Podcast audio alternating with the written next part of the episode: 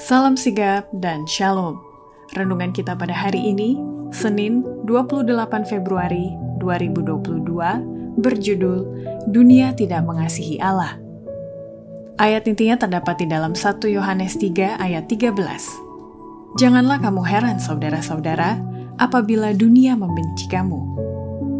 Pena Inspirasi menuliskan yang dimaksud dengan judul renungan kita pagi ini, Dunia Tidak Mengasihi Allah – sebagai petunjuk bagi kita melihat kasih Allah yang tiada bandingnya, untuk supaya kita datang dengan penuh keberanian menghampiri tahta kasih karunia Allah adalah sebagai berikut.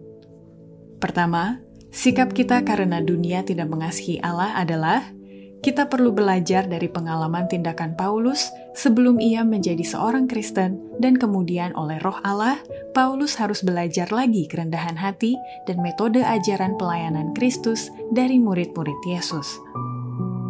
Anak Allah menyamarkan dirinya dengan jabatan dan kekuasaan sidangnya yang sudah diorganisasi. Berkat-berkatnya harus datang melalui alat-alat yang telah ditetapkannya, dan dengan demikian menghubungkan manusia dengan saluran yang dilalui oleh berkat-berkatnya. Ketekunan Paulus berdasarkan angan-angan hatinya dalam pekerjaannya menganiaya orang-orang saleh tidak membebaskan dia dari kesalahan ketika pengetahuan tentang pekerjaannya yang kejam dimasukkan ke dalam ingatannya oleh roh Allah. Ia harus belajar dari murid-murid. Kedua, sikap kita karena dunia tidak mengasihi Allah adalah kita perlu belajar menjadi serupa dengan tabiat Kristus, dan harus ada usaha yang tidak henti-hentinya dan kemajuan yang terus-menerus ke depan dan ke atas menuju kepada penyempurnaan tabiat. Tabiat Kristen yang ideal ialah menjadi serupa dengan Kristus. Di hadapan kita terbuka suatu jalan kemajuan yang terus-menerus. Kita mempunyai suatu tujuan yang hendak diperoleh, suatu ukuran yang hendak dicapai yang meliputi segala sesuatu yang baik dan suci, dan mulia dan tinggi derajatnya. Harus ada usaha yang tidak henti-hentinya, dan kemajuan yang terus-menerus ke depan dan ke atas menuju kepada penyempurnaan tabiat.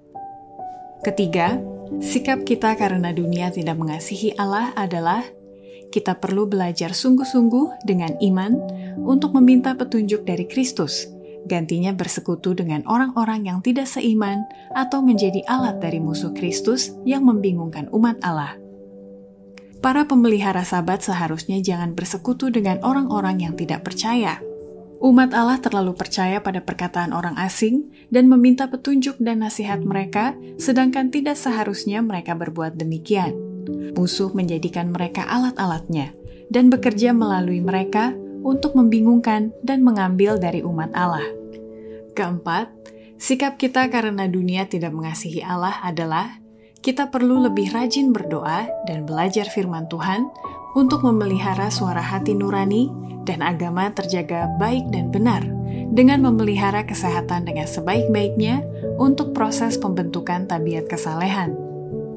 Kesehatan adalah suatu berkat yang tiada ternilai harganya, yang lebih erat berhubungan dengan suara hati manusia dan agama lebih daripada yang disadari kebanyakan orang. Berhubungan erat dengan kesanggupan pelayanan, sehingga kesehatan itu perlu dijaga seperti menjaga tabiat. Karena semakin sempurna kesehatan, tenaga kita pun semakin sempurna untuk menyelesaikan pekerjaan Tuhan dan semakin berguna demi kebahagiaan manusia. Demikianlah renungan kita pada hari ini. Kiranya Tuhan memberkati kita semua.